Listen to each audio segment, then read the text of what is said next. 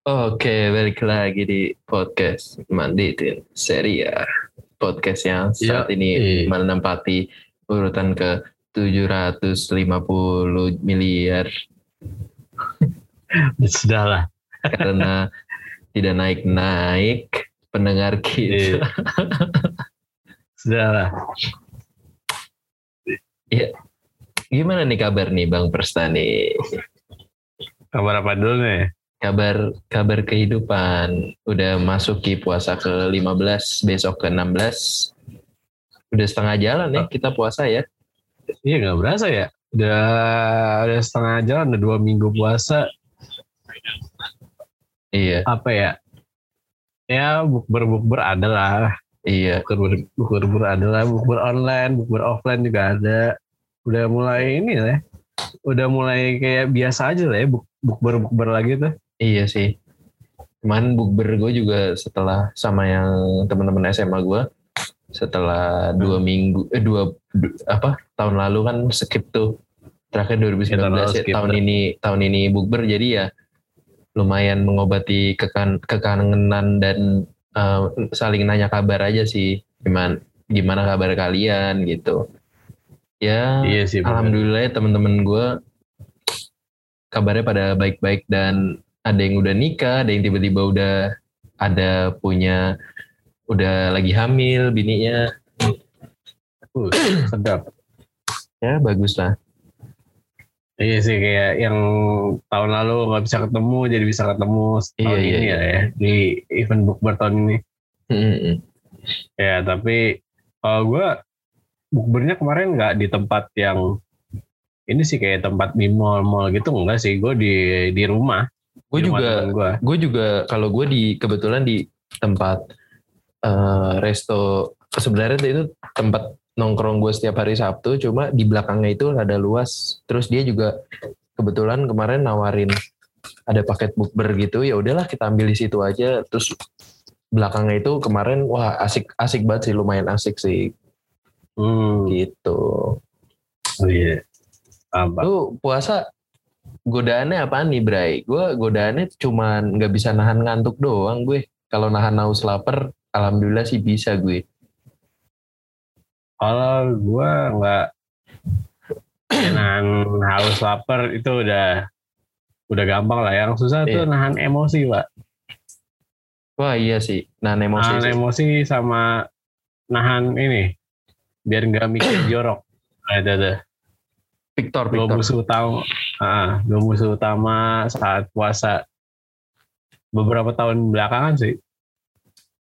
Benar-benar sih emang sih. Kayak ya makin dewasa makin gampang lah nahan lapar nahan haus itu. Hmm. udah udah udah udah bukan perkara yang sulit ya. Perkara tuh sulit sih. Nah. kalau gue ya itu dia nahan emosi sama nahan emosi. nahan nahan emosi sama nahan ngantuk doang sih. Gue nah itu kayak ngerasa ada beberapa hari kemarin kalah di emosi sih gue. Jadi ya- Nah. ya ada apa sebenarnya masalahnya sepele sih, cuman kayak masalah temen aja gitu. Cuma ya satu hari gue yang nggak enak aja gitu. iya Wah, sih emosi pasti banget kayak sih. Iya. ya pasti sih ya Oke. untungnya untungnya sih itu ya apa bola tuh di malam jadi kalau misalnya emosi nggak ngebatalin puasa gitu Iya benar. kayak Jonathan juga ini. Kita ngebahas what's going on dulu aja kali. Oh siap. Setelah kemarin apa ya akhirnya banyak yang memutuskan untuk keluar dari European Super League yang umurnya Iya. hanya dua hari ternyata mega proyek dari Florentino Perez ini hanya berumur dua hari saudara-saudara tapi Iya. eh, si eh, tim-tim Serie A itu udah memutuskan sem- keluar semua belum sih Em, belum sih, karena kan waktu itu eh, si ESL belum resmi bergulir dan ketika udah mau diputusin nih Mm-mm. eh, tim-tim Serie A bakal cabut atau enggak, sebenarnya kan udah pada setuju tuh tiga tim itu untuk join Europa Super League ya. Mm-mm. Nah besoknya kan liganya bubar itu. Iya benar. Ya otomatis, Liganya bubar otomatis sih. kan kayaknya sih nggak jadi sih, cuman ada beberapa klub yang gue lupa siapa masih minta kayak dikasih hukuman lah ke tiga tim yang Tapi iya, UEFA juga ESL itu. mm, UEFA juga bersikeras untuk mengasih hukuman yang uh, udah memutuskan untuk gabung di ESL ya. Iya. Kayak eh, tapi itu juga sih kayak duit dibahas dengan duit gitu. Iya yang gue baca sih kayak yang tim-tim dari Liga Inggris kan dan tuh itu pada semuanya katanya dikasih duit sama UEFA biar mundurin diri dari ya, apa Eropa Super League itu. Cuman Iya, untuk tim tim dari Spanyol itu nggak dikasih karena sebenarnya itu adalah musuh utamanya UEFA karena kan pencanangnya kan dari Spanyol tuh.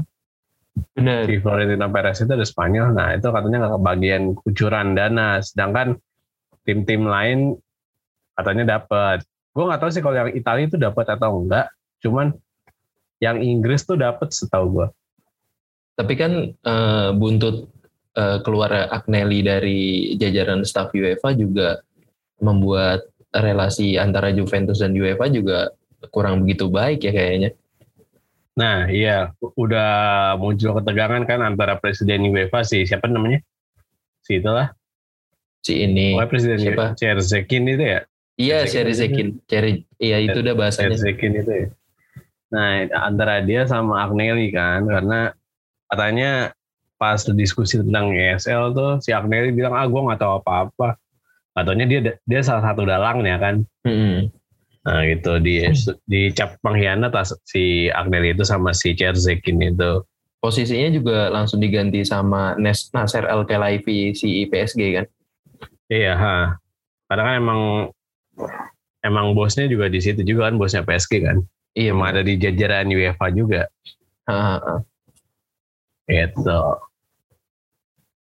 Terus apa ya? Kita beralih dari bahas ESL ke ada satu kabar gembira nih buat publik Naples karena ketegangan antara Gattuso sama De Laurentiis nih kayaknya udah nggak begitu ini ya semenjak eh, kemenangan terus datang ke eh, pihak Naples ya. Karena Iya, Gattuso kayaknya- juga lumayan lumayan bisa membawa kemenangan terus nih sampai sampai detik ini dan sekarang bertengger di urutan ketiga ya. Hmm, agak mengejutkan sih. Agak mengejutkan Karena- sekali sih menurut gua sih karena dengan Ah. taktiknya Gattuso yang ya kayak gitu yang main ala kadarnya dan Iya. lumayan ya lumayan oke lah untuk se- setelah sekelas eh, tim Napoli kayaknya eh, kalau musim depan musim depan beli beberapa pemain untuk menambal eh, lini gitu khususnya lini depan ya karena Osimhen Osim praktis cuman Osimhen doang kan kalau petanya juga nggak begitu bagus sih kalau menurut gua gitu Iya benar sama sih. Uh, ya Kalau- juga masih iya apa ya kayak angin-anginan juga kan. Iya benar gitu. Nah tapi dia bagusnya juga eh, Napoli ini bisa memaksimalkan laga-laga lawan di luar tim-tim di atas gitu. Dan justru lawan tim di atas juga lumayan bisa menang gitu kan kemarin menang lawan siapa terakhir dia tim yang atas Roma kan? Juventus ya. Roma apa Juventus? Oh iya Roma juga ya menang lawan Roma. Eh. Lazio pak kemarin pak. Oh iya menang lawan Lazio juga 5-2 gitu. Nah, terus seri lawan Inter. Mm-mm. Tentunya lagi kayaknya lawan Roma deh. Lupa deh. Iya lawan Roma juga menang 2-0 deh. Tanggal Hmm. 22 Maret. Ya praktis eh, di sisa laganya di sisa laga yang ya mungkin kayaknya sisa 6 atau 5 laga lagi ini kayaknya sih kalau misalnya Napoli berhasil memaintain ini semua ya bukan nggak mungkin dia berada di urutan kedua gitu karena dari urutan 2 sampai 5 nih sebenarnya masih jadi komoditi panas nih coy Iya cuman beda berapa? Dua poin? iya Iya, cuma dua beda poin ya. dua poin kecuali Lazio ya Lazio lumayan Lazio iya sih Lazio soalnya juga Lazio masih kan masih nyimpen masih iya. juga. dan nggak tahu nih dikab- dikabarinnya gimana sih akhirnya terakhirnya sama Torino karena belum ada statement lanjutan juga sih Belum ada kejelasan ya dari pihak liga ya. iya benar Oh, Nah, Oke. Terus juga kabar kabar terakhir ya dari what's going on Twitter kali ini adalah uh, Donnarumma yang masih ngegantung ini ya Bray ya apa Gantung kon- kontrak. kontraknya ya. Terakhir Donnarumma Nah. itu masih minta 12 juta ya, 12 juta. 12, 12 juta. juta euro. Jadi uh, Ah. apa per season itu dapat 7 juta ditambah bonusnya 1 juta untuk 2 Iya itu tahun. taw- Nah, tawaran terakhir kan. Ah, ah. Nah, terus habis itu eh, rilis clause-nya minimal 30 sampai 35 juta eh, Iya. euro ya. Euro. Nah, itu eh, bisa aktif kalau misalnya dia nggak nggak lolos ke Liga Kalau Champion. ke Liga Champion. Nah. Mm. Nah, si sejauh ini si Ra- Rayolanya juga eh, nge-reject tawaran terakhir dari apa? Nge-reject ta- tawaran terakhir dari Milan yang 7 juta itu kan. 7 juta ditambah 1 juta terakhir. itu dan tetap Ah, cuman tetap berada di 12 juta. Menurut lu gimana nih? Ah, ya kalau Rayola kita semua tahu lah nih orang emang sangat memanfaatkan dan memonetisasi pemain tim ya, yang Pemainnya. ah pemain yang sangat bagus di tim mana pun gitu. Kayak ya kayak dia megang Ibra lah. Ibra kan tahu sendiri track recordnya nggak pernah panjang di satu tim kan. Iya. Pakai berapa tiga musim, empat musim, katakanlah paling lama empat sampai lima musim lah paling lama. Habis Mhm. itu cabut. Karena eh, emang Rayola tuh eh, tahu gitu bahwa pem- pemain yang di bawahnya dia itu Mhm. bisa mendapatkan uang atau mendapat mempunyai nilai yang sangat sangat fantastis gitu kayak sekarang dia Iya, megang benar. Halan juga kan Mm, bener. megang Halan Dia megang Halan juga Halan- sekarang. Ah, Halan udah terakhir 110 juta apa 150 juta gitu harganya kan. Nah, Mm-mm, bener. terus eh, ya baik lagi kayak Rayola ini emang ya apa ya? eh, alasannya dia dia tuh pengen apa? eh, mengembangkan bakatnya eh, Donnarumma ke level yang lebih tinggi kan, katakanlah Hmm. gitu. Bener. Nah, tapi kan di balik itu semua ya kita tahu lah pasti ada ada uang yang berbicara di situ. Makanya Iya. eh sebenarnya kalau Donnarumma ini sih udah kisah lama ya. Kayak berpanjang kontrak di ulur-ulur kan dulu sempat kejadian juga tuh waktu dia umur 19 tahun. Mm-mm. Nah, sampai dijulukin dolar rumah kan karena terlalu minta gaji yang cukup gede. Iya. Nah gitu kan. eh gue sih gue sih udah pasrah ya udah udah nggak tahu lah nih Donnarumma mau gimana soalnya dia juga belum apa belum ngasih suara apa pun kan terkait ini yang soalnya kan yang ngomong mulu kan si Rayolanya mulu kan Iya. si Donnarumma itu belum ngambil tindakan atau ngambil apa ngambil suara gitu Mm-mm. tapi kalau misalnya emang nanti ini 2022 kan tahun depan kita kalau nggak Mhm. salah ya kontraknya habis 2022 ya kalau misalnya emang nggak bisa nemuin kesepakatan ya ya mau gimana gitu Bener. ya mau gimana lagi Eh, gitu soalnya ya Kayaknya juga sih kalau kalau Milan ditinggal Donnarumma juga ya udahlah ya. Mm-mm. Eh, gue sih Gue udah nggak gue juga gue juga ngerasa sih mayoritas fans Milan pasti kayak lu juga gitu kan pasti juga nggak bakal mau gitu kehilangan seorang Donnarumma cuma ya gimana lagi gitu nggak ada nama besar nggak ada nama yang lebih besar daripada klub sih kalau menurut gua kan tapi yang nggak tahu Nah, juga sih itu. tergantung gimana uh, dari Milan aja nih AC Milan aja nih apakah manajemennya tetap mau mempertahankan Donnarumma di angka keinginannya dari si siapa si Rayola atau mereka Hmm. cari jalan tengah gitu sama-sama Nah. enak di titik temunya di tengah-tengah harganya berapa gitu sih Nah, gue agak pesimis sih soalnya kan eh marginnya cukup jauh ya dari dari 12 8 juta ke 12 juta ke 8 lah. iya Katakan kan 7 juta plus bonus kan. heeh. Ke 8 itu kan ada selisih 4 juta. Nah, untuk pemain 20 tahun kiper ya emang reguler sih tampil reguler. Cuman untuk level Italia pun nih orang masih gede banget gajinya 20 Iya. tahun loh. Iya sih. Iya kan? Apalagi Milan lagi ngebangun eh, skuadnya lagi kan kali ini. Nah, itu dia maksudnya eh, takutnya ada kecemburuan sosial antara pemain-pemain lain gitu. Soalnya di bawahnya Donnarumma yang 12 juta itu itu Ibra kan. Ibra tuh Iya. 6 atau 7 gitu. Ya Ibra kita tahu sepak terjangnya udah udah nggak bisa udah udah ya udah lo tau Ya Ibra di umur yang segitu se- di umur yang se- sekarang dikasih segitu sih itu udah pencapaian luar biasa sih menurut gua. Nah, makanya yang level sekelas Ibra aja itu pun rela motong gaji gitu buat nambah satu kontrak lagi, satu tahun kontrak lagi. Tapi ya kita nggak bisa kita bisa lihat ini juga sih umurnya Ibra kan udah 39 tahun kan.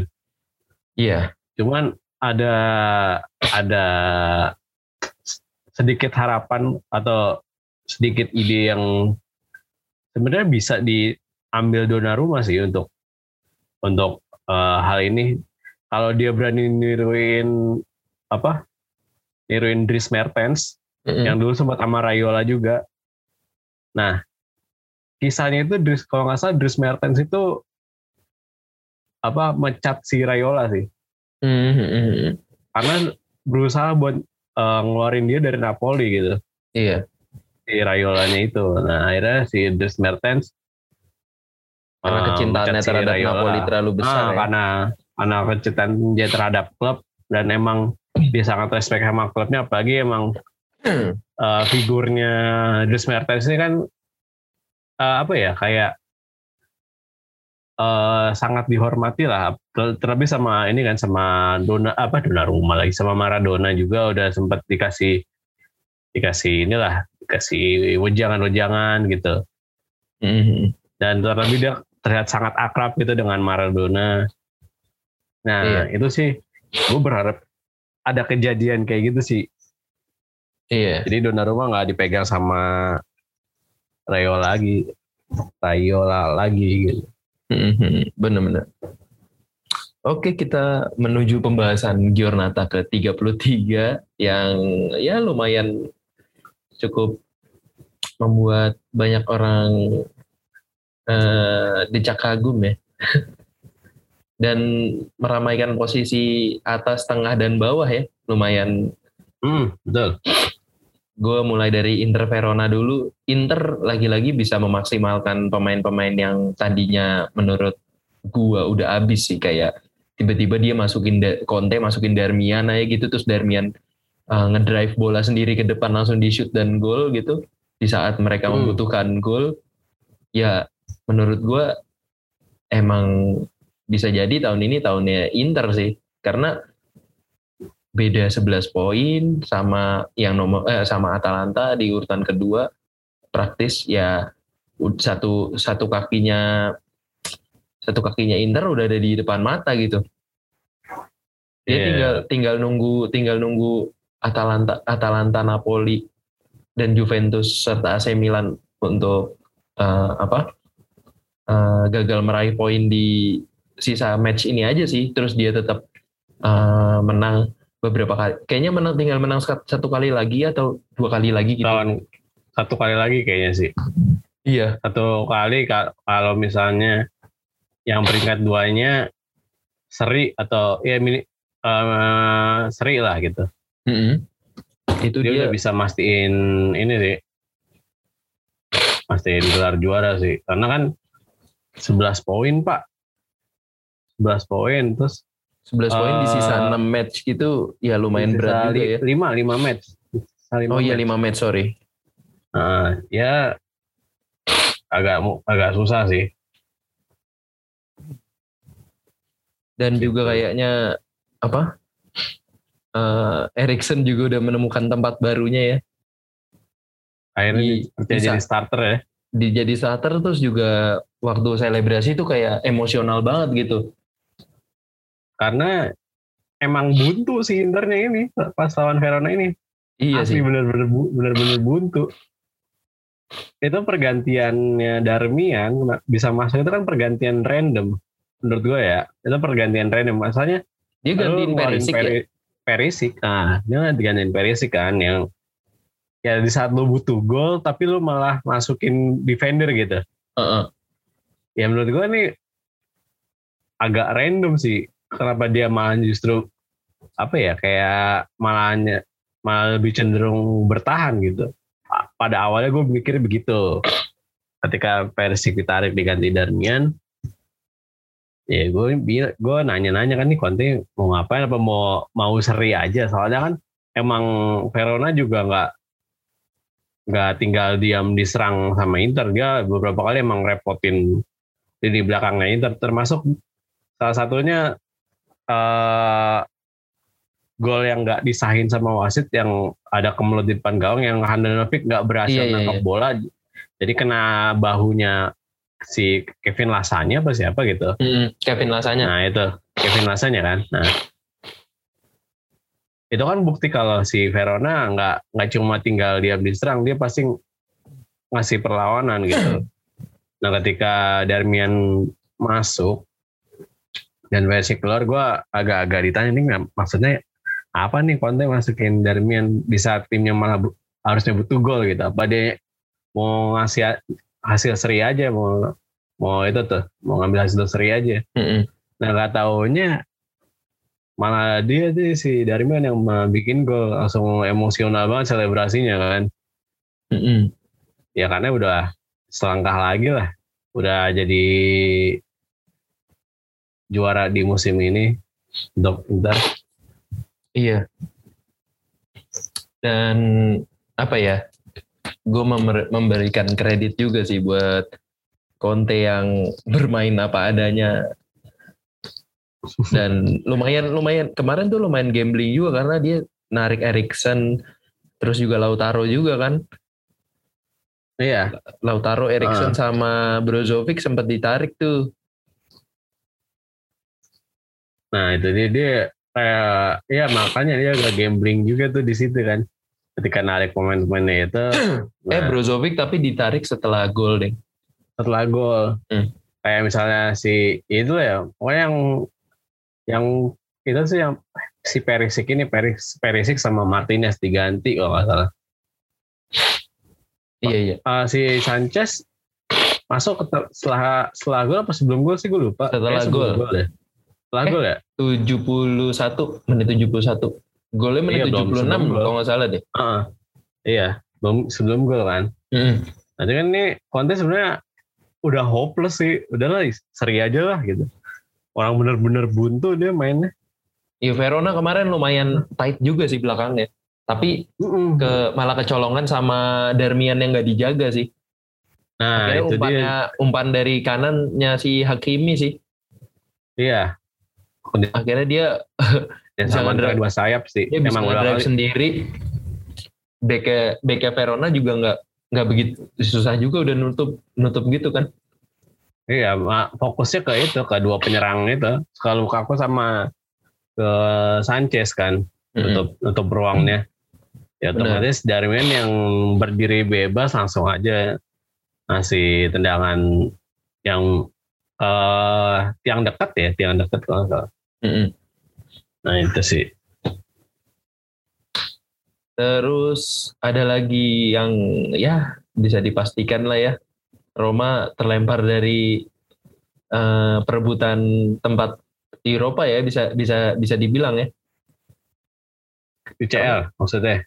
UCL dan Eropa sih kayaknya berat sih karena eh, Oh ya jauh juga ya. iya karena Lazio aja sekarang udah 61 poin si Roma masih tiga- 55 dan Lazio aja masih nyimpen satu pertandingan kan Iya juga sih. Tapi Europa League Europa League itu sampai peringkat, sampai 6 peringkat tujuh bukan peringkat tujuh ya?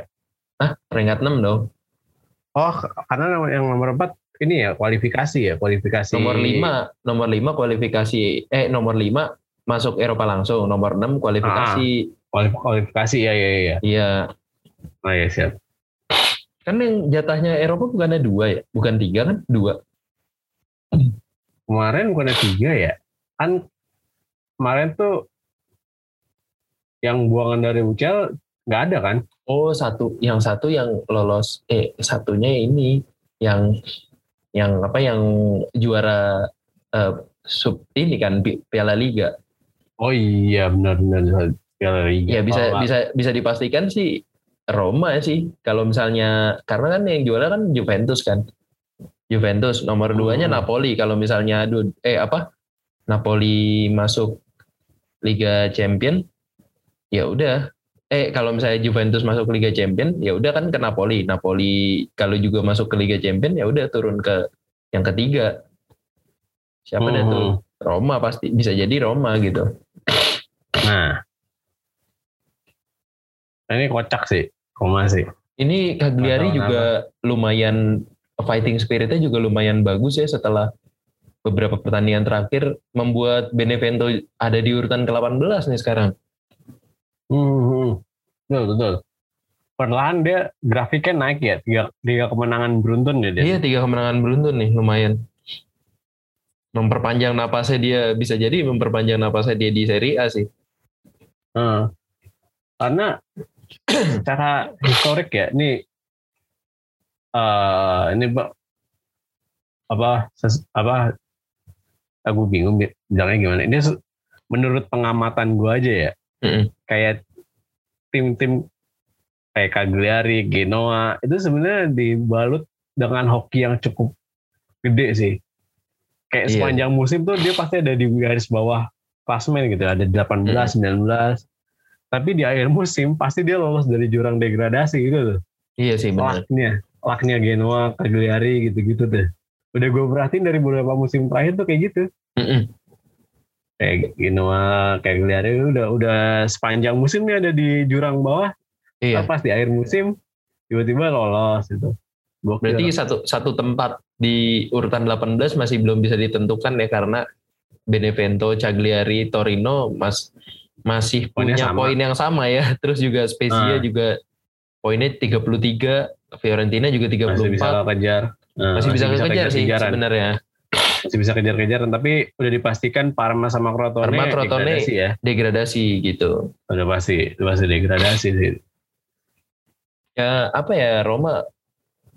Ya bisa bisa kemungkinan sih Paulo Fonseca juga kalau misalnya begini terus nggak ini sih nggak apa nggak nggak nggak nggak diperpanjang sih tapi tergantung mereka bisa dapat uh, Liga Eropa apa enggak nih Piala Liga Eropa karena mereka kan salah satu yang kandidat yang cukup bisa berbicara banyak juga kan di Eropa Super eh Eropa Super League Eropa League Eropa League ya. Eropa League. Mm -hmm. Karena ya. dia ketemu siapa Sevilla ya? Sevilla apa eh Sevilla apa Villarreal? Gue lupa. Eh MU ketemu MU sorry. MU Pak Salah ya, dua-duanya. ketemu MU kan, Villarreal ketemu nah, Sevilla ya. Villarreal ketemu Arsenal. Oh iya Arsenal. Ya, gimana ya kalau Roma sih grafiknya malah semakin menurun gitu, aneh banget. Nah, nggak tahu sih apa yang salah. Apa yang salah gitu dari dari Roma sih menurut gua gitu. Dia selain inkonsisten yang emang menjadi penyakit tahunan ya? Iya. Kayaknya sih ya back back macam Fazio gitu udah seharusnya udah nggak di Roma nggak sih? Fazio terus si siapa? Si Lord Lord ini Lord siapa namanya? Lupa gue Lord ini. Aduh. Siapa gue Lord Ibanez. Ibanez. Lord Ibanez. Fazio ya kan Fazio ya sih.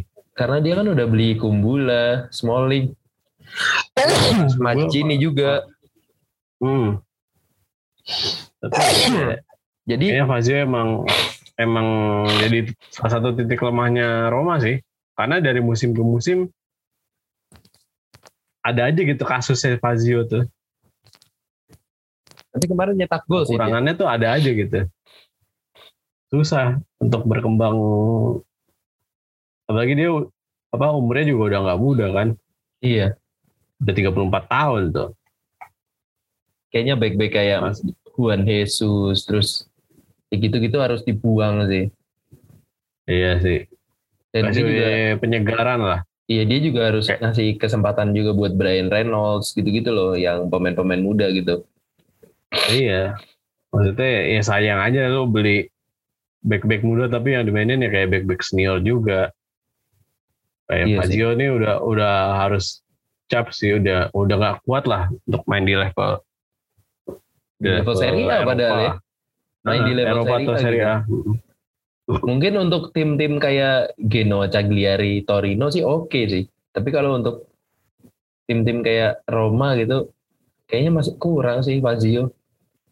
Iya nggak Maaf bisa. nih ya Bang Fazio nih ya. Nah, udah nggak bisa catch up lagi sih. Mm-mm. Selain karena udah udah umurnya juga. Bener. Karena kan Fazio ini kan bukan back-back kayak Cannavaro, kayak Maldini yang sampai umur 39 aja masih masih dihajar terus kan. Kayaknya tipikal back-back Spanyol begitu ya. Fazio bukan Argentina ya? Oh iya Federico Fazio ya. Heeh, kayak Argentina. Argentina. eh. Oh iya benar Argentina.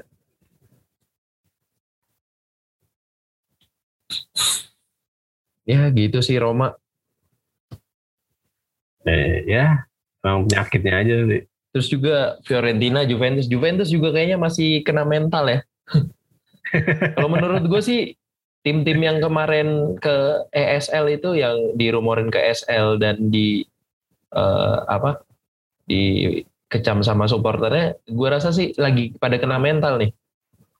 Kayak Bisa jadi sih, bisa jadi bisa sih. jadi kan karena gue lihat Ah. Liverpool seri dua kali, terus habis itu ini dari Liga Inggris banyak yang seri, Ah. terus juga apa em, udah gitu Juventus juga dua kali gagal memetik hasil kemenangan gitu. Kayak menurut gue kayaknya nih lagi pada kena mentalnya nih.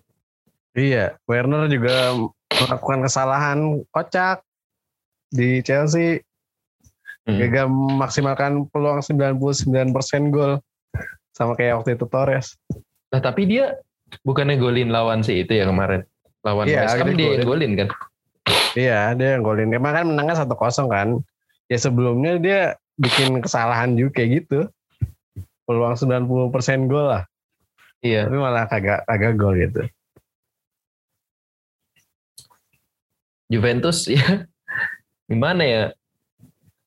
Yang bisa disinyalir mengganggu urutan pertama akhirnya eh, musim ini tumbang juga gitu. Dan gue sedihnya lagi sih apa hmm, Pirlo dapat begitu banyak eh, apa kayak eh, di sosmednya dia begitu banyak kecaman gitu ya. Termasuk yang kemarin dibahas itu dia eh, di anaknya dikirimin eh eh, dia dikirimin surat pokoknya eh, lu dan anak lu lebih baik mati aja gitu.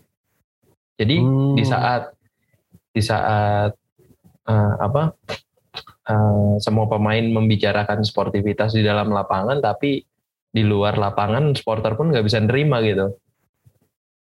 Kayak Ya, insiden, kayak insiden hmm. kemarin Piala Menpora ya, gue cukup menyayangkan aja gitu ada ada insiden pembakaran dan lain-lain gitu kayaknya memang kultur kita, kultur sepak bola kita mengambil kultur dari Itali, tapi yang salah-salahnya aja gitu.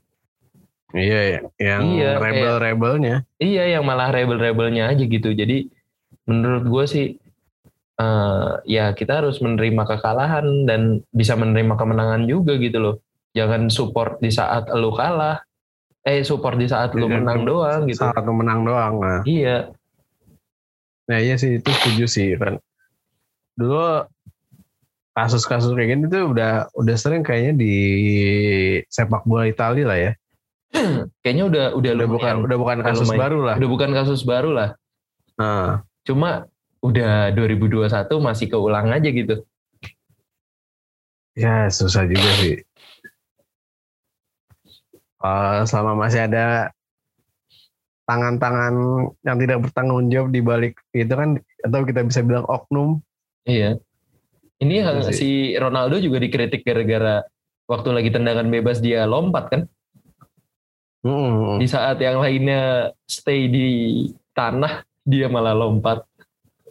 Iya. Gue gak ngerti sini sama Bang Do nih gimana sih Bang Do, Bang Do. Aksi aja sih kayaknya itu aksi. Iya. aksi aja biar biar beda. Terus Dybala, Ramsey, sama eh, apa Weston McKennie juga lumayan gak ngebantu gitu sih di pertandingan ini. Ya. Kelihatan ini sih kelihatan buntu sih kemarin Hmm. tuh. Ya nggak buntu-buntu banget sih, cuman nggak bisa memaksimalkan peluang jadi gol aja sih. Ronaldo kan dapat dua, dua peluang yang cukup lumayan bagus tuh. Mm-mm. lewat sundulannya nyaris nyaris gol yang tapi nggak kena sih sundulannya sama tendangannya sedikit melebar di sisi gawang kan Terus juga Vlahovic nampaknya jadi publik yang dicintai dari Florence ya. oh iya udah mulai Sampai sampai banyak yang Jadi- nyamain dia sama Luka Toni kan. karena dia selebrasinya kemarin selebrasi Tony kan Oh iya. selebrasinya dia sele- selebrasi ala Tony yang apa sih kayak ngibas-ngibasin tangan di kupingnya itu ya pokoknya Oh. selebrasi Tony lo tau lah kayak gimana Iya iya iya iya. iya. dia mau niru itu selebrasinya Tony kemarin dan ya itu sih gue cukup senang lah ya si sekarang Oh, Fiorentina udah punya punya idola baru Bener bener. kemarin Kiesa setelah kemarin Kiesa mengkhianati publik Florence akhirnya dia Iya. sekarang punya idola baru kan Degi Vlahovic nah gue berharap sih Vlahovic nih eh, karirnya panjang lah di Fiorentina lah Iya. Eh, Gitu. apa? Dia juga lumayan masih muda kan umurnya udah masih 21 tahun juga udah gitu. Yoi. eh membela Fiorentina juga dari 2018 gitu. Iya dari umur belasan. Coba dari umur Kayaknya yang- 18. Menurut gue sih eh, pesepak bola Serbia ya khususnya dari negara eh, Balkan Balkan Bahkan. itu lumayan setia juga ya sama klubnya kayak si Panja Milinkovic Savic tetap ada di Torino meskipun bukan pilihan utama terus juga Sergei juga tetap uh, membela Lazio gitu terus ini ada lagi Vlahovic dari 2018 yang bisa dibilang lumayan setia juga untuk uh, saat ini gitu karena dia juga Hmm. benar-benar dari muda ada di Fiorentina gitu Iya. Ya emang begitu sih kayak kodratnya. Kayak Iya. tim-tim apa pemain-pemain dari bahkan kayak dulu ada Stankovic juga kan iya Stankovic Udah. juga udah berapa tahun tuh dia di Inter kan. Kayak gitu kayak gitu lah. Ya pokoknya sukses terus lah buat Bang Vlahovic. Eh Bang mantap. Vlahovic Iya Bang lah. Udah biarin lah. Terus juga ada dua laga yang cukup mengganggu stabilitas di atas nih ya.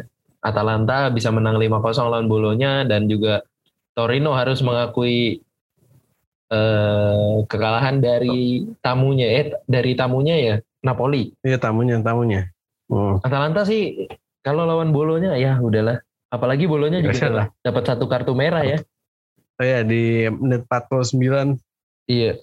Kayaknya sih ya udahlah makin Lumayan- di atas angin sih. lumayan lumayan bagus ya untuk Atalanta yang eh, berpeluang untuk mencatat tiga kali beruntun tampil di UCL gitu dengan Hmm, hasil yang nggak begitu sulit untuk di liganya malah mengalahkan Iya. kayak Napoli, Juventus, AC Milan, Lazio yang harus susah payah gitu untuk dapetin spot ke tiga atau keempat gitu dari musim Iya, ke musim kan- gitu. Sedangkan Ah, Atalanta bahkan- pun bisa mem- memanfaatkan kelengahan tim-tim besar yang lain gitu. Nah itu dia yang justru sekarang tuh kayak Atlanta tuh kayak yang menghukum tim-tim gede sih. Iya iya. Kalau misalnya kagak main bagus kayak Juventus kemarin kan kalah tuh sama Atalanta 1-0 karena emang Juventusnya nggak nggak begitu bagus. Milan udah jadi korban bulan-bulanannya Atalanta dari zaman kapan tahu. Iya. Sempat kalah 5-0 juga di 2019 yang membuat gue sangat-sangat kesal. 5-0 di San Siro coba. Terus Udah gitu apa? Nah, itu. Terus ya gue sangat apa ya sangat mengapresiasi sih Atalanta Atalanta, Atalanta ini tanpa Papu ya yang yang dikira orang ah Atalanta udah nggak ada apa-apanya paling ini udah ditinggal Papu. Ternyata malah tetap aja ya tetap gacor ya. Iya dia bisa memaksimalkan Malinowski ya. Berulang ah, kali sih gue jadi juga Malinowski jadi lumayan iya. Jadi lumayan bagus juga sih. Ah, walaupun secara secara, secara gol ya secara golnya Atalanta hmm nggak seganas musim lalu. Musim lalu dia hampir kalau nggak salah 90 gol deh menjelang menjelang akhir musim udah 90 90-an gol. Sekarang ya dia masih jadi tim paling produktif juga sih di Serie A dengan 78 gol. Cuman ya tetap lah masih ngeri lah Atalanta ini. Mm-hmm. Dan dia juga gitu sih. Uh, beli pemain juga nggak berdasarkan yang kayak nama-nama besar banget gitu. Ya sebut aja hmm, beberapa musim kemarin dia datengin Martin Deron gitu ya Martin Deron sempat gagal di Middlesbrough. Sempat gagal di Middlesbrough kan. Terus habis itu hmm. juga ya nggak ada nggak ada yang tahu lah dia tiba-tiba bisa jadi lumayan cukup sentral juga di gitu. Terus juga hmm. eh, kemarin datangkan Mirancuk juga. Oh, uh, Alexi Mirancuk, Mirancuk ya. iya ya menurut gue sih banyak pembelian-pembelian sukses dari Atalanta sih beberapa musim terakhir ini gitu. Iya, sama satu lagi sih ini Mario Pasalic yang dibuang Milan. Iya. Padahal di Milan tuh pas di tangan Montella ya, Pasalic ini salah satu pemain yang underrated gitu. Iya. Sebenarnya dia bagus, cuman apa ya? Jarang dapat spot untuk tampil reguler gitu. Mm -hmm. Pasal ini sebenarnya bagus, nih orang bagus, cuman memang nggak dapet kesempatan aja di di Milan waktu itu. Mm-hmm. Nah selepas di Milan kan dia balik lagi ke klubnya apa ke mana gitu. Habis itu semusim setelahnya diangkut Atalanta kan dan ya sangat nyetel di Atalanta, sangat bagus. Mm-hmm. Itu walaupun nggak golnya nggak banyak, cuman perannya dia sebagai gelandang tengah central midfield bagus sih lumayan cukup vital juga ya. Ya, walaupun emang harus di rolling kan, karena emang Gasper ini kan harus rolling main. gitu. Terus juga di laga Napoli ya dua gol cepat dari Napoli kayaknya cukup membuat setelah itu bermain eh, nyaman ya Napoli ya, bermain ala ya, Gattuso gitu. Santai aja. Udah udah inilah formasi 4-2-3-1-nya menurut gue not bad lah. Sebenarnya not bad iya. sih. Ah, benar. Karena ya dia nggak bisa nggak bisa duetin duetin striker kan. Paling paling enggak udah udah pernah dicoba belum satu sih? striker Osimhen sama gak petanya? Nggak pernah, nggak pernah dimainin. Oh, nggak pernah ya? Nggak pernah dimainin bareng. Kalau misalnya dibikin kayak gitu, otomatis lini lini keduanya kayak barisan gelandang serangnya pasti berkurang satu pos kan. Mm -hmm. Nah itu bakal jadi kerugian yang sangat gede buat Napoli sih karena ya kita tahu lah kalau kekuatannya Napoli itu sebenarnya otak pergerakan serangannya Napoli itu kan ada di isinya Zielinski sama Politano atau Des Mertens kan. Iya. Kayak Osimhen atau Polita apa siapa petanya. Sebenarnya iya. udah tinggal nunggu bola-bola rebound aja bola-bola muntah dari ulahnya mereka bertiga gitu. Iya. Udah udah. Sebenarnya udah tinggal yang tap in tap in doang. Sisanya yang kerja tuh sih itu insinya insinya udah berapa kali? Kayak bikin gol-gol dari luar hmm. kotak penalti ataupun dari sudut-sudut sempit. Begitu pula dengan Mertens. Nah sisanya kayak striker-striker Napoli ini ya udah tinggal nunggu depan gawang nunggu bola muta tap in gitu-gitu aja. Iya sih. Makanya sayang untuk mainin dua striker sekaligus karena ya itu motornya motor serangannya motornya udah tiga ya? Motor serangannya ya, udah tiga gitu. motor serangannya tiga dikurangin satu. Susah. Iya. Kayak gitu. Terus juga ya Torino juga Mandragoranya juga kena kartu merah merah tambah bikin bikin tambah sulit aja sih kemarin uh. mengembangkan permainan gitu um, padahal Mandragora belakangan ah apa berapa berapa pertandingan terakhir cukup bagus sih mainnya. Iya. Tapi sayang sayang nih jadi kartu merah di pertandingan ini. Lumayan cukup uh, kehilangan yang cukup besar juga ya uh, pertandingan ke depannya ya Torino gitu. Iya kehilangan tren positif gitu. Iya. Se sebelumnya kan dari empat pertandingan terakhir kan belum pernah kalah tuh seri menang menang seri. Nah sekarang mm -hmm. justru kalah gitu. Benar. Oke kita langsung beranjak ke pertandingan tadi subuh. Lazio. Seharusnya gue nggak nonton lah. Lazio yang gue jujur kalau boleh jujur sih gue nonton di pertandingan eh, di menit-menit akhir aja gitu. Karena oh. gue kemarin uh, apa uh, rada telat start untuk tidur gitu. Gua, terus gue takut aja oh, gitu, iya. takut uh, apa? Agak sahur ya? Takut bukan takut kagak sahur sih, takutnya gue ngantuk gitu Lalu, kan. Ngantuknya tambah ngantuk parah gitu. Ya? Iya ngantuk nah. pas kerja gitu. Jadi gue cukup kaget sih Lazio bisa menang lawan AC Milan gitu karena uh, apa kemarin lawan Napoli kalah lawan Napoli 5-2 itu lumayan cukup uh, apa ya kayak wah apa uh, menurunkan mental anak-anak Lazio sih menurut gue gitu karena mereka kan juga oh. lagi berjuang untuk meraih spot UCL gitu akhirnya juga hmm. nggak hmm. bisa nggak bisa berbicara banyak waktu lawan Napoli gitu nah tadi uh, banyak kesalahan dari back-back AC Milan sih menurut gue gitu dari gol pertamanya Korea juga nyantai banget gitu bawa bolanya nah itu yang sebenarnya gue udah bikin rangkumannya di Twitter kan. Mm-hmm. Uh, ya kebetulan gue nonton nggak dari menit awal banget sih kayak. Coba silakan Bapak Versta. Start start setelah pokoknya setelah Korea golin Korea kan menit dua kan gue gue kan tidak menyangka akan ada gol cepat kan gitu. Gue sengaja tuh tidur jam ya jam 11 lah jam 11 berusaha tidur cepet gitu biar gue bisa nonton kan. Mm-hmm.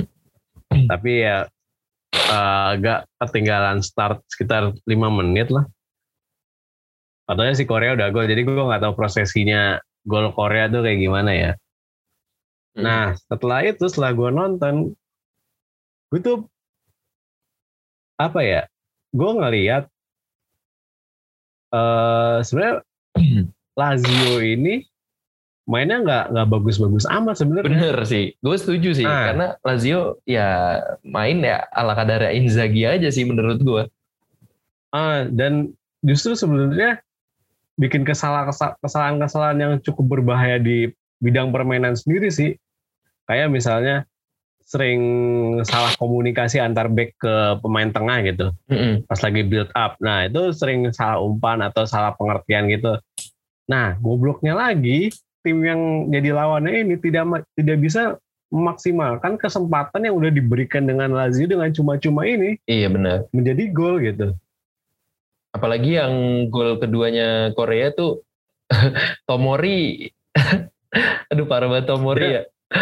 Gue ngelihat Tomori naiknya jauh banget. Gue jauh banget. Ngelihat ini kedua yang gol keduanya, gol pertama dan gol kedua ya, khususnya wah gila sih ini Korea bisa apa dikasih space banget gitu dikasih bebas untuk dia ngedribble gitu hmm. nah itu gue udah bilang di rangkuman halftime kan uh, Lazio ini sebenarnya main gak main bagus-bagus banget terutama komunikasi lini belakang ke lini tengah sering, sering terjadi salah pengertian yang mengakibatkan build up play jadi terganggu dan kehilangan bola di bidang permainan sendiri Cuma senjata utamanya Lazio emang di counter attack. Counter attack. Nah, itu emang berapa kali kan kejadian dan ada satu, satu gol yang dianulir kan dari Lazari. Lazari, iya. Nah, kena kena apa ya? Kena eh enggak dia uh, offside, ini, offside, offside, offside. Offside. Nah, sudah apa sih tim ini nih, tim lawannya ini seakan nggak belajar dari kesalahan-kesalahan kayak gitu yang gol pertama sama gol yang nggak disahin.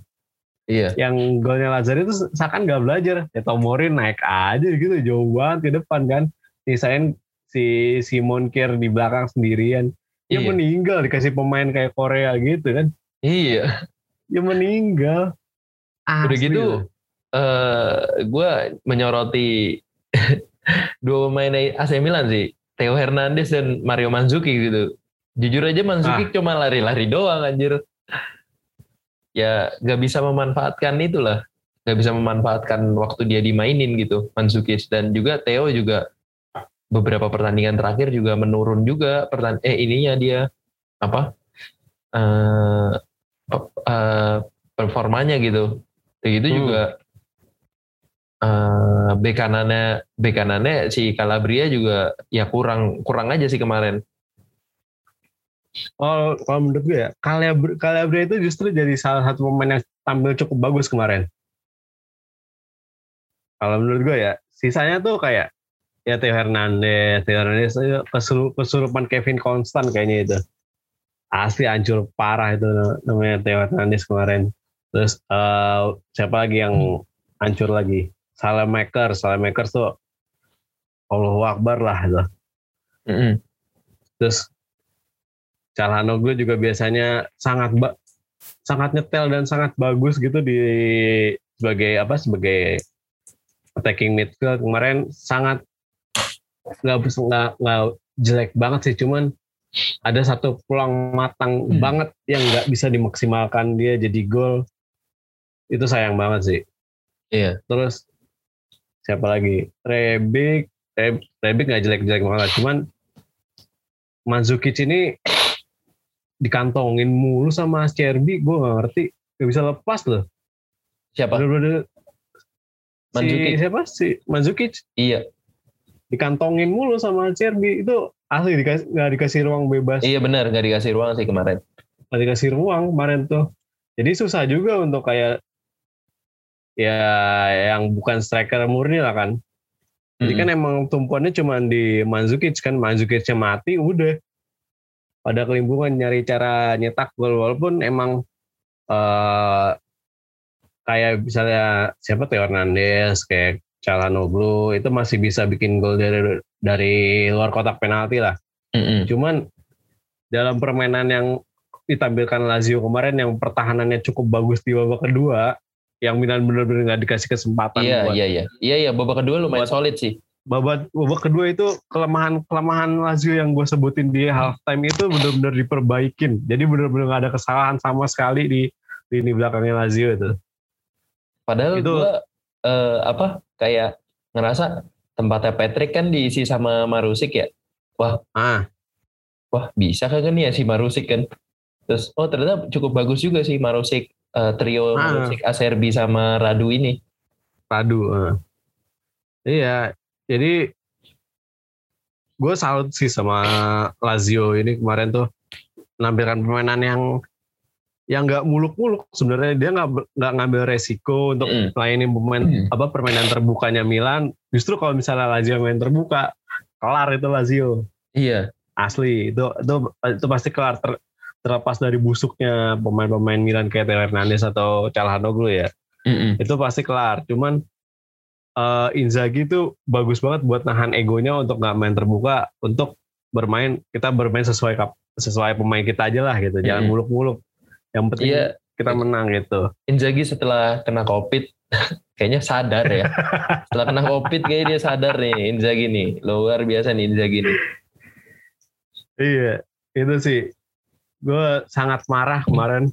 Eh, sangat marah kemarin tadi pagi tuh. Bener-bener. Gue nggak tahu sih ini tim bakal masuk Champions League atau enggak. Karena emang lagi kisah Karena lumayan lumayan banyak dapat dalam. cercaan juga ya. Nah, karena- itu dia. Gue nggak, gue nggak mau nyalahin Daniel Orsato terlepas dari ke, eh, ada beberapa keputusannya dia cukup merugikan. Bukan merugikan sih, cukup aneh sih. Kayak misalnya yang gol keduanya Lazio tuh yang yang Calhanoglu sebelumnya dilanggar Lukas Leiva. Mm-mm. Ya itu ya menurut gue oke lah kalau misalnya nggak nggak dikasih pun ya oke lah itu cuma pelanggaran biasa aja sebenarnya nggak nggak pelanggaran yang parah-parah banget dan kalau nggak dihitung pelanggaran juga nggak apa-apa cuman ada salah satu jurnalis Italia yang apa eh yang ngasih tahu kalau misalnya ada ada sedikit friksi antara si Daniel Orsato sama Calhanoglu makanya ketika Calhanoglu dilanggar sama pemain-pemain Lazio si mm. Orsato nggak nggak melihat itu sebagai pelanggaran gitu. Ada sedikit friksi katanya kata jurnalis Italia. Gue lupa siapa namanya tadi gue baca gitu. Gitu. Tapi terlepas dari itu ya kalau misalnya kalah dua gol kalah dua kosong ya tetap kalah kalau iya misalnya gol yang itu nggak desain juga tetap kalah dua kosong gitu. Emang busuk aja ini tim. Iya iya. Gitu. Ya. Luar biasa ya. Luar biasa Lazio gue salut sih. Benar-benar mati kutu sih sebenarnya Milan tuh kemarin. Iya iya. Gue juga lumayan nonton sisa pertandingan. Ya gue hmm. lumayan lo, uh, apa nonton di menit 70 juga wah parah ini nah, Milan. menit 70 udah udah kocak banget tuh. Iya gitu kayak Milan udah kayak nggak tahu lagi harus gimana gitu kan. Nah terus pergantian pergantian hopeless mulai dikeluarin sama Om Botak. Iya sama Guardiola KW Uh, Guardiola KW yang Calabria yang mainnya lumayan bagus ditarik diganti Dalot tidak diganti Dalot. Dalotnya Dalotnya kocak terus, terus uh, juga praktis. Iya apa Manzuki diganti Tonali.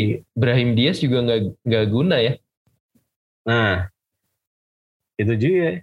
Nggak nggak nggak inilah udah pergantian hopeless itu kemarin. Eh, kemarin juga si Hauge Hauge nggak dimainin kenapa sih? Nah ini gue nggak tahu ya kenapa Hauge Hauge ini nggak dapat menit bermain jadi walaupun dapat dapat tempat dia, lagi. Dia bagus loh. Ah, dia bagus loh. Setengahnya setengahnya kalau dia dipasang di sisi kiri atau ya di sisi kiri terus Rebic jadi ini jadi striker itu menurut gue masih bagus loh. Mm -hmm.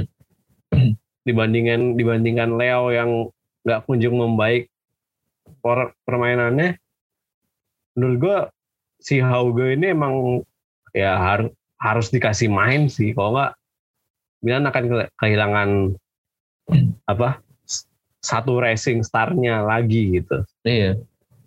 Setelah nanti mungkin ya Donnarumma nggak bisa dipastikan akan bertahan juga kan. Mm-hmm. Tapi seenggaknya Hauge ini uh, kelihatan bakatnya untuk jadi racing star di masa depan sih. Iya benar. Ya gue harap sih si Botak itu Om Botak itu uh, mainin Hauge di pertandingan-pertandingan selanjutnya sih. Oke, okay, recap uh, recap sisanya sih Genoa berhasil menang 2-0 lawan Spezia, terus Parma harus kalah sama Crotone 3-4 dan tidak memastikan apa-apa. Juga hmm, apa tuh? juga tidak memastikan apa-apa. Iya benar. Kredit kredit buat kredit buat si, si Simi ya? Simi. Oh, nah. ini orang 8 pertandingan, pas 9 pertandingan beruntun, eh kemarin sempet nggak golin, terus golin lagi dua. Dua. Gitu. Tadinya kan 8 pertandingan beruntun, terus kemarinnya nggak golin pas lawan Sampdoria. Nah di pertandingan ini golin dua deh. Bisa jadi komoditi panas sih. Nah di, bisa jadi komoditi panas di ya, karena, bursa transfer selanjutnya. Uh, uh, uh, Karena dia juga gitu masih sih. muda juga kan. Hmm, betul. Terus juga Sassuolo mengejutkan gol saltonya Berardi keren anjir. Keren, keren, keren, keren, keren, keren. Juga ya laganya yang sangat boring. Iya, cuma satu kosong ya. Iya, terus juga nggak ada kartu juga sama sekali. Terus juga Benevento harus eh, menelan kekalahan dari Udinese 4-2 yang membuat dia sekarang berada di uh, urutan 18. Hmm.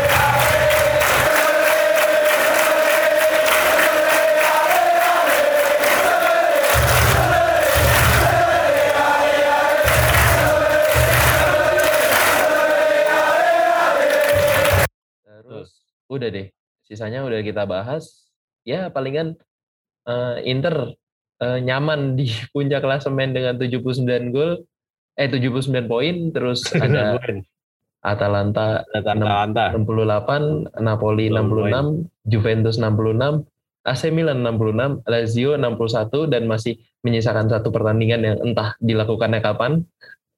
Iya. Terus ada Roma yang di urutan 7 dengan 55 poin, 8 Sassuolo, 9 Sampdoria 42 poin, 10 Verona. Nah, di dari urutan 13 sampai 18 sebenarnya masih berpeluang sih menurut gua.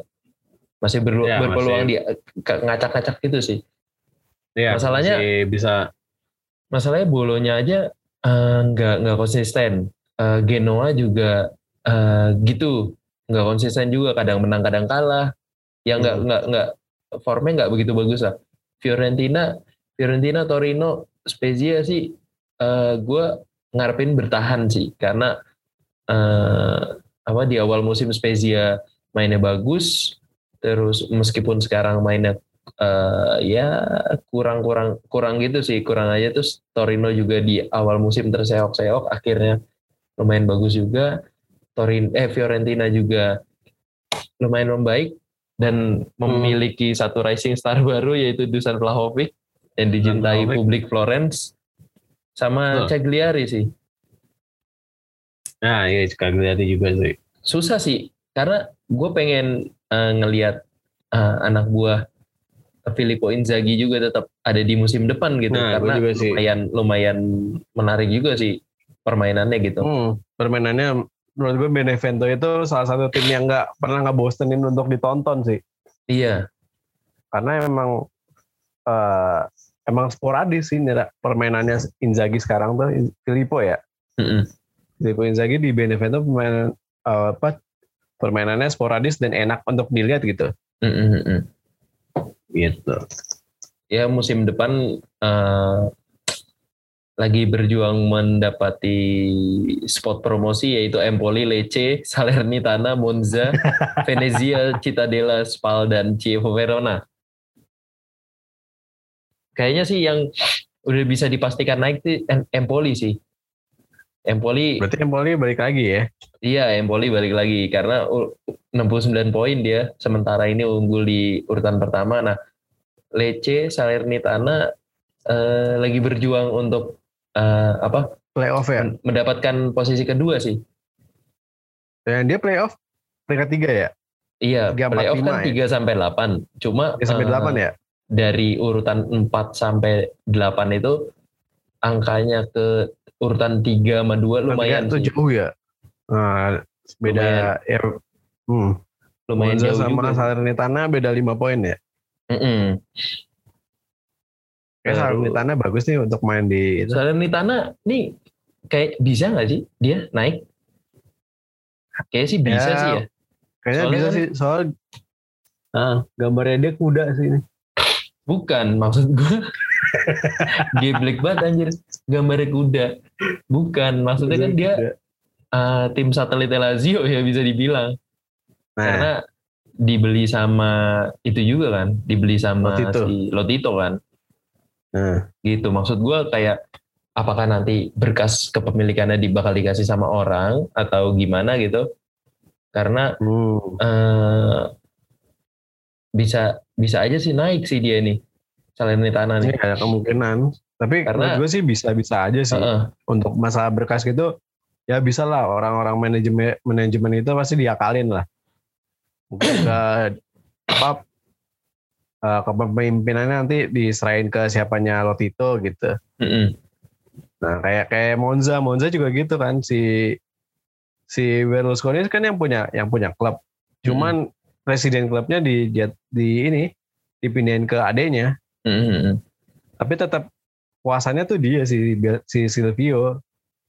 Si Iya. si adenya itu Paolo Berlusconi cuma numpang nama aja. Ya, biasanya itu bisa bisa terjadi lah. Benar-benar. Karena Itu bisa terjadi sih. em, lumayan lumayan Salernitana ini lumayan dapat hibahan dari tim-tim besar ya. Khususnya Lazio gitu. Mm. Karena bek kirinya aja dia Riza Durmisi. Oh iya tahu. Terus abis itu eh, tengahnya ada Lombardinya eh, Cristiano Lombardinya Lazio, terus juga kipernya Fit Belek, Fit Belek kayak Inter. mantan Iya. mantan Inter terus abis itu dia Terakhirnya juga Marco Juric, Juric ini gue nggak nggak asing juga nih. iya Juric sama si ini sama si An- Antonucci Antonucci-nya AS Roma Ah iya Antonucci. ah. terus kipernya ada cadangannya ada Guerreri-nya Lazio terus ada ada Monis ada Diego Casasola ada Andre Anderson juga Oh ya Andre Ya. Anderson ya. lumayan apa ya lumayan dapat eh, dapat pemain-pemain yang bagus gitu gitu sih Hmm. ada lagi yang mau ditambahin Bapak Versta Hmm. Apa ya?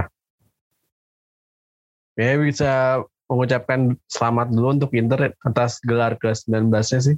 Kayaknya udah sulit buat kekejar. udah sulit ya udah su- udah sulit udah sulit ya Udah untuk sulit. kejar sama tim-tim lain ya Iya kayaknya udah. Mungkin di Giornata besok udah bisa memastikan gelar juara. Soalnya kan lawannya kan Crotone kan. Ya, ya Crotone gitu dah. Oke, kita lihat sisa pertandingan Inter ya. Inter Miami. Wah, bukan. Bodo amat. Inter Milan kayaknya ganti logo seperti sate eh restoran Padang membuat dia eh, lancar sekali seperti rendang, Bung. Amat. Apa Nih kalau kalau kalau bisa kalau bisa kita lihat dari sisa pertandingannya Inter itu dia masih ketemu Roma sama Inter Milan. Nah, Emang ketemu Inter Milan. Eh, Gimana Iya, sih? Roma- Juventus kali. Roma lumayan berat juga nih. Oh, sorry. Eh, Roma sama Juventus. Nah, Nih Roma berat juga nih sebenarnya. Tanggal 13 itu dia ketemu Inter, tanggal 16 dia ada derby della Capitale lawan Lazio luar biasa Roma. Kelar. Roma ini Udah kelar ini dia. kelar dah. Terus kita bisa lihat di eh kita bisa lihat di yang urutan kedua Atalanta ini masih ketemu Juventus eh Juventus di final Copa tanggal Copa, 19 sama ketemu Milan. Ketemu Milan di tanggal 23 pertandingan terakhir. Serie A ya. Eh, eh, eh, pertandingan terakhir Serie A. Kalau Napoli sendiri ini dia masih ketemu nggak ada udah, semua udah aman habis ya dia. semua dia kalau misalnya dia Udah bisa ada tim. memanfaatkan bisa memanfaatkan sisa pertandingan ini sih ya tiket UCL udah pasti ada di tangannya mereka gitu Betul sih. Betul, betul, betul. Tuh, terus Juventus Juventus ini Dia masih ketemu Milan kan? Iya masih ketemu Milan. Juventus itu masih ketemu Milan sama Inter. Inter. Ah. Heeh, terus juga masih ada eh, Coppa Italia final. Kalau bagi gue sih, kalau misalnya Juventus musim ini nggak nggak dapat gelar juara sih, ya mereka ya pasti bakal mati-matian di Coppa sih. Dan gue Iya, rasa Atalanta pun juga lah bakal kayak gitu gitu. Atalanta karena dia juga pengen dapat gelar juga kan. Lumayan nih Coppa Iya sih. Italia.